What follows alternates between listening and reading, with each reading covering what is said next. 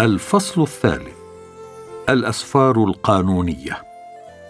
الأسفار القانونية هي الكتب التي نستقي منها قوانين إيماننا على حد تعريف القديس أوريغانوس وهي الأسفار التي قبلتها الكنيسة كالكتب الموحى بها من الله وقانونية الأسفار لم تقررها الكنيسة ولكنها قبلتها واعترفت بها لأن الله هو الذي أوحى بها وأعطاها.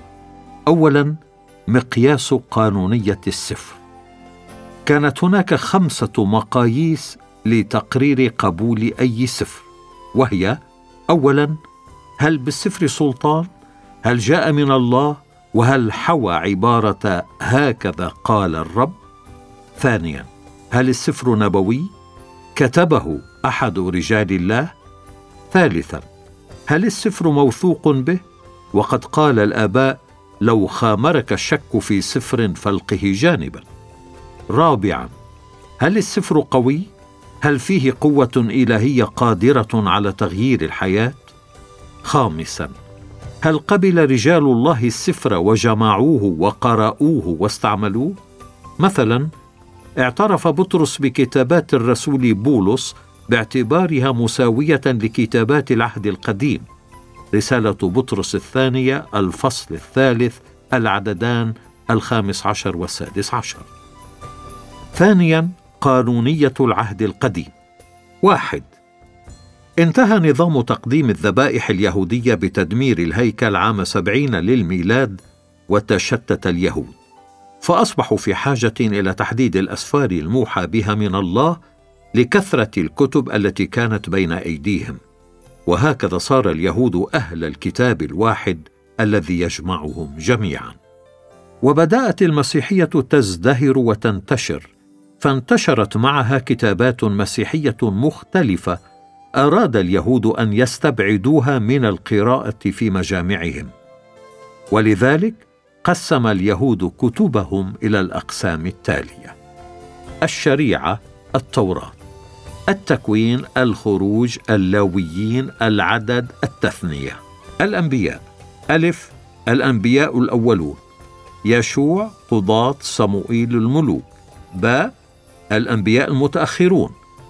أشعيا إرميا حزقيال الاثنا عشر. الكتب. ألف. الكتابات الشعرية. المزامير الأمثال أيوب. باء المخطوطات الخمس. نشيد الأنشاد راعوث المراثي أستير الجامع. جيم الكتب التاريخية. دانيال عزرا نحمية أخبار الأيام. ومع أن هذه الأسفار هي بعينها التي لدى المسيحيين إلا أن عدد الأسفار يختلف. فقد قسموا كلا من صموئيل والملوك وأخبار الأيام إلى قسمين. كما أن اليهود يعتبرون الأنبياء الصغار صفرا واحدا. وترتيب الأسفار يختلف فإن المسيحيين يقسمون الأسفار تقسيما موضوعيا.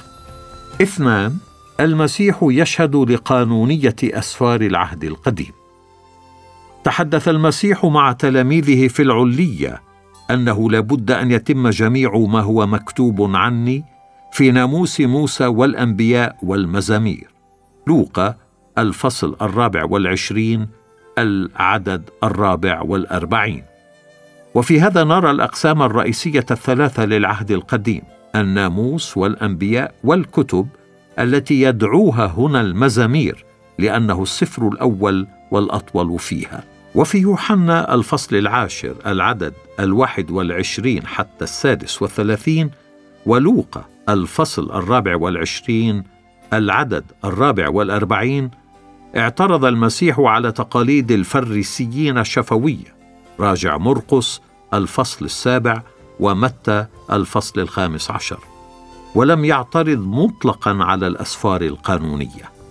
وفي لوقا الفصل الحادي عشر العدد الواحد والخمسين وأيضا متى الفصل الثالث والعشرين العدد الخامس والثلاثين من دم هابيل إلى دم زكريا.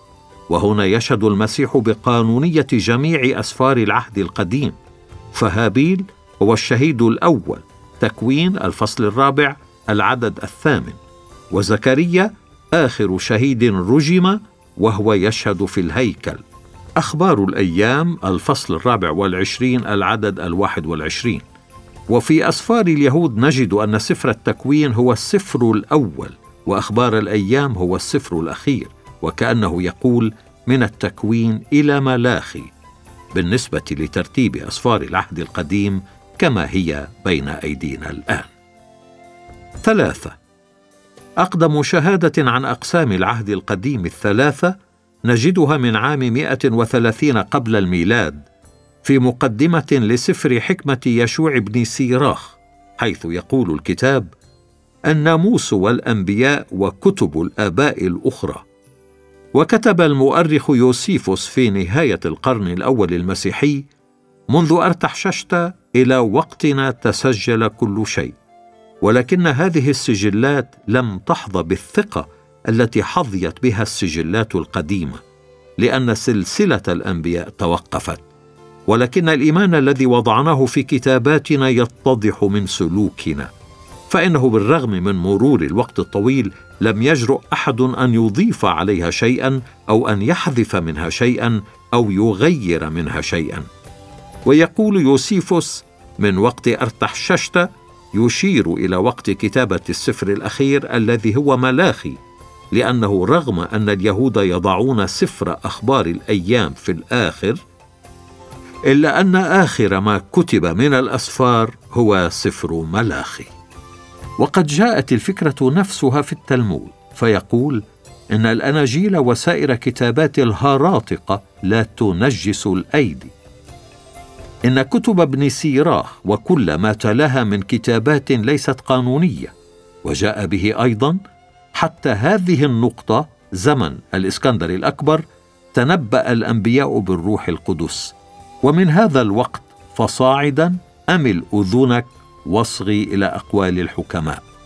ويقول التلمود البابلي بعد كتابات الأنبياء الأخيرين حج وزكريا وملاخي فارق الروح القدس إسرائيل.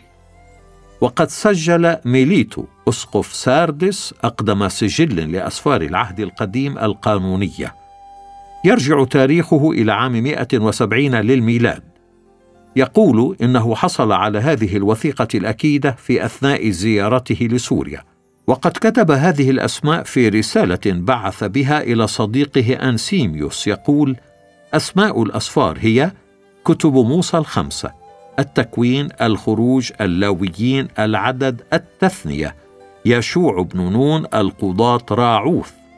أربعة كتب للمملكة اثنان لأخبار الأيام مزامير داوود أمثال سليمان تسمى أيضا الحكمة. الجامعة نشيد الأنشاد أيوب ومن الأنبياء اشعيا أرميا الاثنا عشر في كتاب واحد دانيال حزقيال عزرا.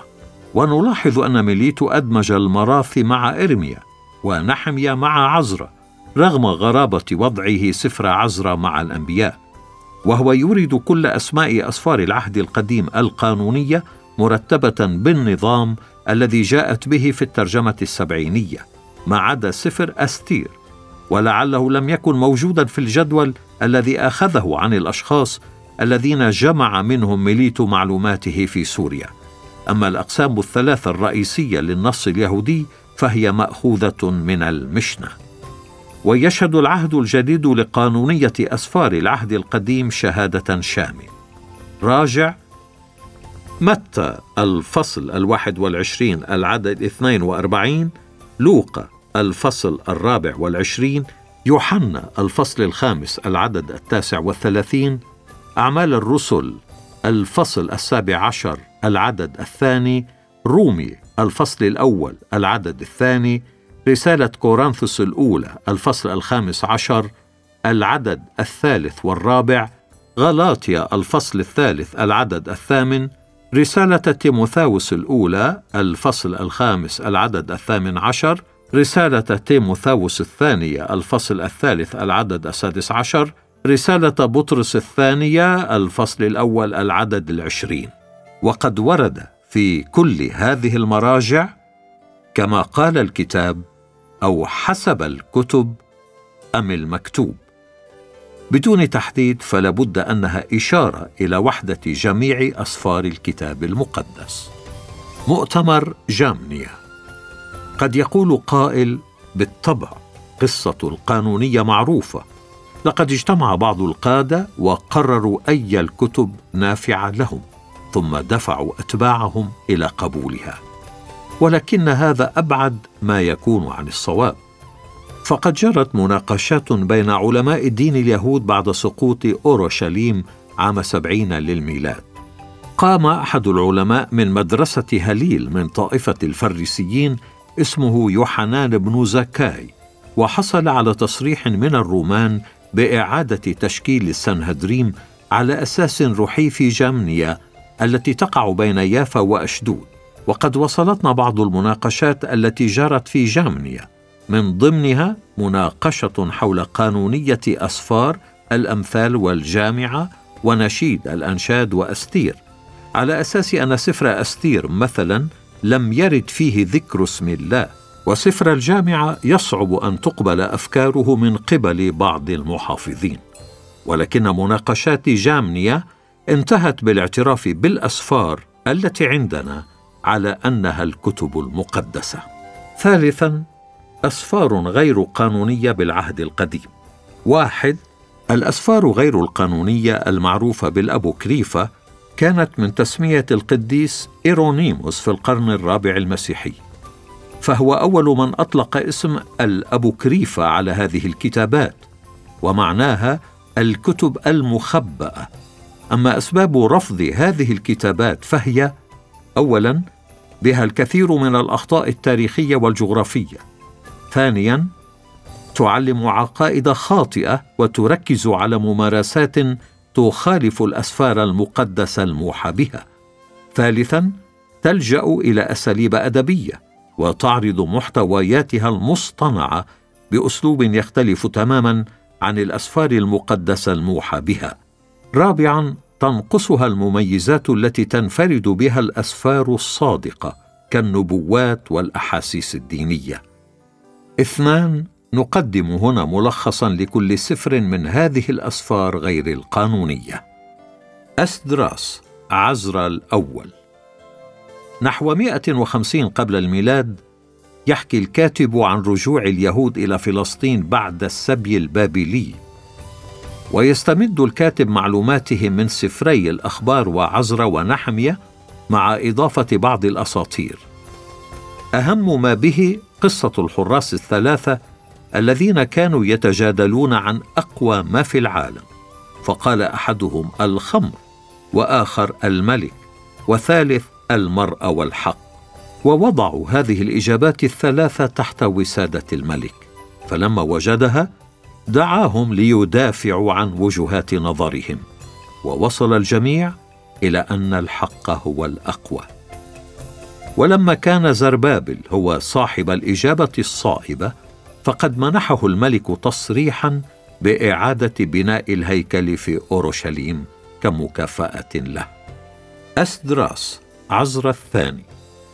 نحو مئة قبل الميلاد وهو كتاب رؤى يحوي سبع رؤى وقد تضايق مارتن لوثر من لخبطة هذه الرؤى حتى قال إنها يجب أن تلقى في البحر. سفر الطوبيه مطلع القرن الثاني قبل الميلاد. رواية قصيرة فريسية في نبراتها تركز على الشريعة والأطعمة الطاهرة والغسلات الطقسية والإحسان والصوم والصلاة. وتقول إن العطاء والإحسان يكفران عن الخطية وهذا أكبر دليل على زيفها.